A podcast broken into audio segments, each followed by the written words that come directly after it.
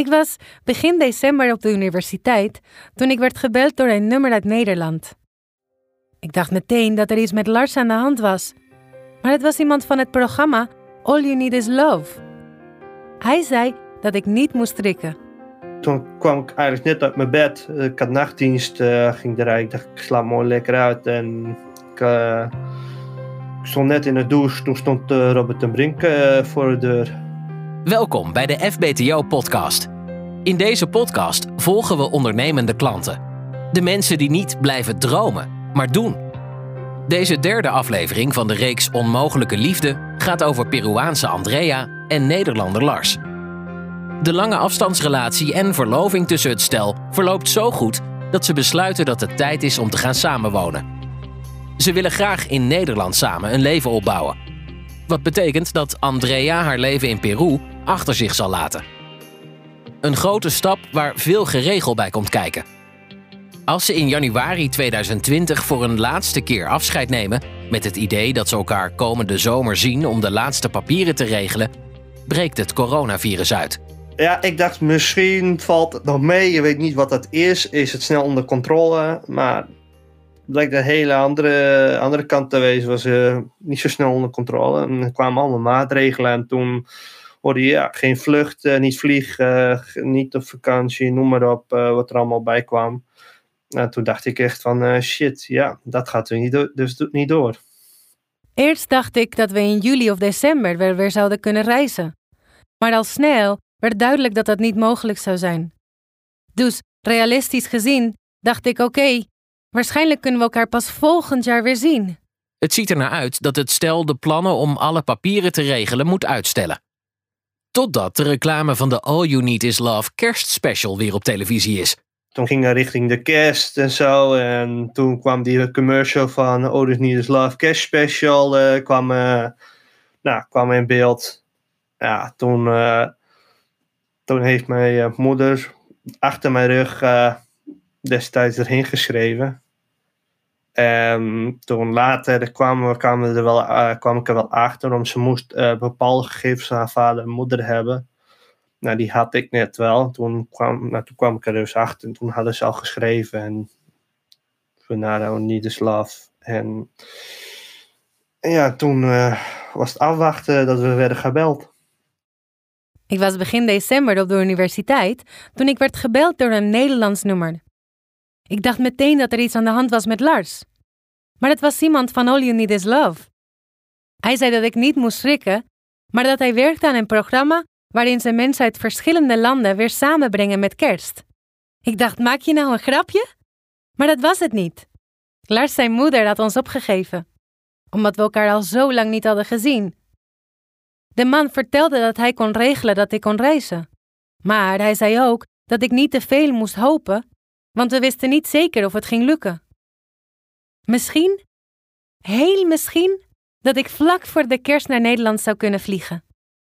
Andrea is nooit met de kerst hier geweest. Um, was altijd druk uh, bij haar en dat, uh, nu met uh, wil een ook een keer kerst hier meemaken. En toen heeft mijn moeder achter mijn rug dus ges, geschreven. Ja, ik kwam er dus achter ook keren vertelde van, uh, nou, toen moest ze op een gegeven moment gegevens hebben van haar ouders. Ja, die had ik dus. En toen heeft ze mij gevraagd, nou, Lars, we hebben oh, dit niet eens afgeschreven, maar we moeten bepaalde gegevens. En toen stond ik wel een beetje verbaasd, oké, jullie, hebben, jullie hebben geschreven. Ja, en dat was voor mij een hele verrassing. Maar ja, dat is ook nog aan wachten. Word je gekozen? Dus ja, ik wachten. Het duurde best wel lang. Uh, ja, het was echt uh, ja, zenuwachtig. En ik had eigenlijk toen, ze mij belde ongeveer, toen had ik eigenlijk een beetje ook de hoop opgegeven. Ik dacht, nou, het duurt wel heel erg lang. We gaan bijna richting de kerst. Ik ga wel weer via de moeilijke weg doen, via de IND. Terwijl Andrea wacht op het verlossende woord van de redacteur van het televisieprogramma, heeft corona veel impact op het dagelijks leven in Peru. Niemand mag de straat op en er zijn strenge maatregelen. Lars en Andrea houden contact door veel te videobellen. Als ze na dagen niets meer hebben gehoord van het televisieprogramma, besluiten ze dat ze een bezoekaanvraag gaan regelen via de immigratiedienst IND. Tenminste, dat denkt Lars. Uiteindelijk kreeg ik bericht van All You Need Is Love. Ik mocht naar Nederland vliegen en voor drie maanden blijven. Ik was zo ontzettend blij. Maar ik mocht niets tegen Lars zeggen, want het moest een verrassing blijven. De dag dat ik op het vliegtuig stapte, zei ik dat ik belangrijke dingen voor werk te doen had en dat ik niet zo goed te bereiken was. Dat geloofde hij ook. Ik had van tevoren foto's gemaakt van Lima. Deze stuurde ik hem door toen ik onderweg was naar Amsterdam. Op die manier had hij niets door totdat ik opeens voor hem stond. Toen kwam ik eigenlijk net uit mijn bed. Ik had nachtdienst, uh, ging eruit. Ik dacht, ik sla mooi lekker uit. En ik, uh, ik stond net in de douche. Toen stond uh, Robert ten Brink voor de deur. Met een verrassing. En blijkt dat Andrea later met die hele verrassing al, kijken, twee dagen van tevoren hier in Nederland al was. Dus ja, dat was een hele surprise en ik was er helemaal blij mee. Toen ik hem eindelijk weer zag, was ik zo nerveus. Ik vond het echt heel erg leuk om hem te verrassen. Ik stond voor de grote bus te wachten totdat hij eindelijk naar buiten kwam lopen. Ik heb zo hard gehuild toen ik hem eindelijk weer kon knuffelen. Lars was ook totaal verrast. Hij moest ook zo hard huilen.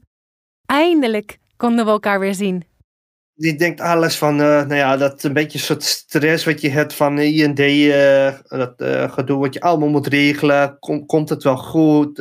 anders zie je elkaar bijna een jaar niet. Dat, dat, dat gaat allemaal in één keer weg. Dan ben je helemaal in de wolken, zou ik zo zeggen. Dat moment. Dan, ben alleen, heb je alleen de aandacht voor haar. Dan vergeet je gewoon dingen om je heen hoor. Dan die camera's, die vergeet je, mensen om je heen. Dan heb je gewoon focus op haar en dan ben je helemaal weg. Andrea mag drie maanden in Nederland blijven. Wat betekent dat ze niet alleen hun eerste kerst in Nederland samen kunnen vieren, ook kunnen ze verder met het regelen van de papieren voor het aanvragen van een partnerschap. En hebben ze tijd om na te denken over hun toekomst samen. Een toekomst die er plotseling toch wel snel anders uit kan zien. En ongeveer zes maanden we elkaar hier zien weer in Nederland. En dat heeft een uh, speciale reden. Reden, ja. Ja, ik wil niet zeggen, ik weet niet als ik het van haar kan zeggen, maar uh, ja, het, uh, we hebben familieuitbreiding. Ja, we verwachten een kindje. Toen ik een paar weken in Nederland was, werd ik niet ongesteld. Daarom besloten we om een test te kopen en die was positief. Er stond twee tot drie weken op. We konden het niet geloven maar we zijn dus zwanger. Het was niet gepland, maar Lars wou altijd al vader worden. Ik denk eigenlijk juist heel praktisch en was van plan eerst een huis en een baan in Nederland te regelen. Ik was dan ook best even in shock toen we erachter kwamen dat we al ouders zouden worden. Maar het is zo en de baby groeit goed. Ons leven gaat veranderen. Ja, nu moeten de plannen ook weer uh, anders, omdat wij andere dingen moeten regelen. En daar is ook de partnerschap heel erg uh, belangrijk in. En als zij hier bevalt en uh, met de baby, krijgt dan een Nederlandse nationaliteit. En dat, ja, en dan kan zij ook makkelijker hierheen komen. Ja, het plan is dat ik eerst terug ga naar Peru om mijn familie te zien. Ik wil daarna naar Nederland komen met alle papieren uit Peru, zodat ik hier kan blijven en ook hier kan bevallen. We weten van de risico's en dat alle vliegvelden opnieuw kunnen sluiten. Daardoor weet ik ook nog niet zeker of ik mijn kindje hier of in Peru krijg. Het is afwachten hoe het gaat en of we elkaar wel voor die tijd kunnen zien. Het stel hoopt dat ze na de geboorte van hun kindje de papieren voor het partnerschap in Nederland rond kunnen krijgen en eindelijk kunnen trouwen. Het is nu opeens anders. Want nu moeten we echt over ons drieën nadenken. Er gaan veel dingen veranderen omdat we ouders worden. We praten veel over de komende maanden. Wanneer we weer samen kunnen zijn en hoe de toekomst er voor ons uit zal zien. We hopen dat corona snel eindigt en dat we volgend jaar als echt gezin samen kunnen zijn. Verder kijken dan dat durf ik niet helemaal. Ik hoop in ieder geval dat we binnen twee jaar in Nederland samenwonen als gezin dat ik werk heb en dat Lars ook is doorgegroeid in zijn baan, zodat we echt samen kunnen leven. Na jaren op en neer te hebben gereisd en veel op afstand te hebben gezeten, hoopt ook Lars dat het stel op termijn definitief samen kan zijn. als gezin. Over twee jaar hoop ik dat ik uh, met mijn uh, gezin uh, in een huisje samen leef. En de rest van mijn leven het leven kan delen. Dit was het verhaal van Lars en Andrea. Beluister ook de andere afleveringen van de FBTO-podcast om de andere bijzondere verhalen van onze ondernemende klanten te horen. Of kijk op fbto.nl/slash klantverhalen als je er geen genoeg van kunt krijgen.